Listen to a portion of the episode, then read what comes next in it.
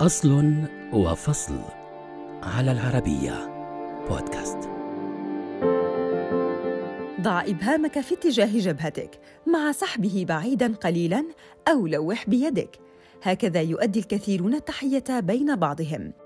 لكن قلة يلاحظون أنهم بذلك يستخدمون لغة الإشارة التي ترتبط بشكل مباشر بالصم والبكم، فكيف أصبحت الإيماءات الجسدية لغة للتخاطب؟ يبدأ الرضيع بالإشارة إلى الأشياء قبل أن ينطقها، هكذا يمكن القول إن لغة الإشارة أول طريقة للتعبير عند الإنسان. أما اعتماد الإشارة كلغة للتواصل فهو أمر آخر قد يعود لنحو أكثر من 200 عام. يذكر التاريخ أن الأمريكيين الأصليين استخدموا إيماءات اليد للتواصل، كما استخدم الرهبان البندكتيين الإيماءات خلال فترات صمتهم اليومية، ومن هنا فكر الراهب الإسباني بيدرو دي ليون في استخدام لافتات للتواصل مع طلابه الصم خلال القرن السادس عشر ثم قام بتكييف الإيماءات لتصبح بمثابة لغة إشارة رسمية لضعاف السمع.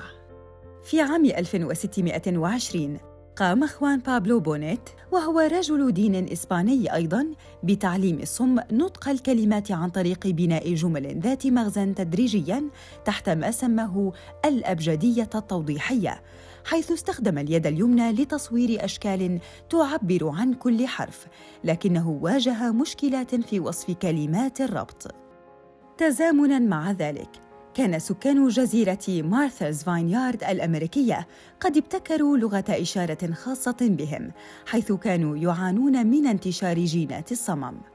في عام 1775 وفيما كان تعليم الصم حكرا على الأغنياء أنشأ القس الكاثوليكي الفرنسي تشارلز ميشيل دو لوبي أول مدرسة عامة للأطفال الصم في باريس حيث قام بترجمة الأبجدية الفرنسية إلى قاموس يتضمن الإيماءات والمفاهيم والأفكار الرمزية بدلاً من الأحرف فقط.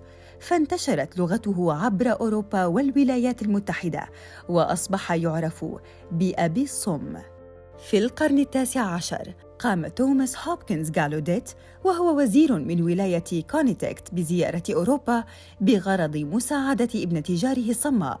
فالتقى هناك مدرب لغة الإشارة لوران كليرك حيث طورا لغة الإشارة الأمريكية ASL مستعينين بلغة الإشارة الفرنسية وإشارات مارثاز فاينيارد ونظام التخاطب بين الأمريكيين الأصليين. وأسس أول مدرسة أمريكية لتعليم الصم قبل أن تبدأ الشعوب بابتكار لغات خاصة بها.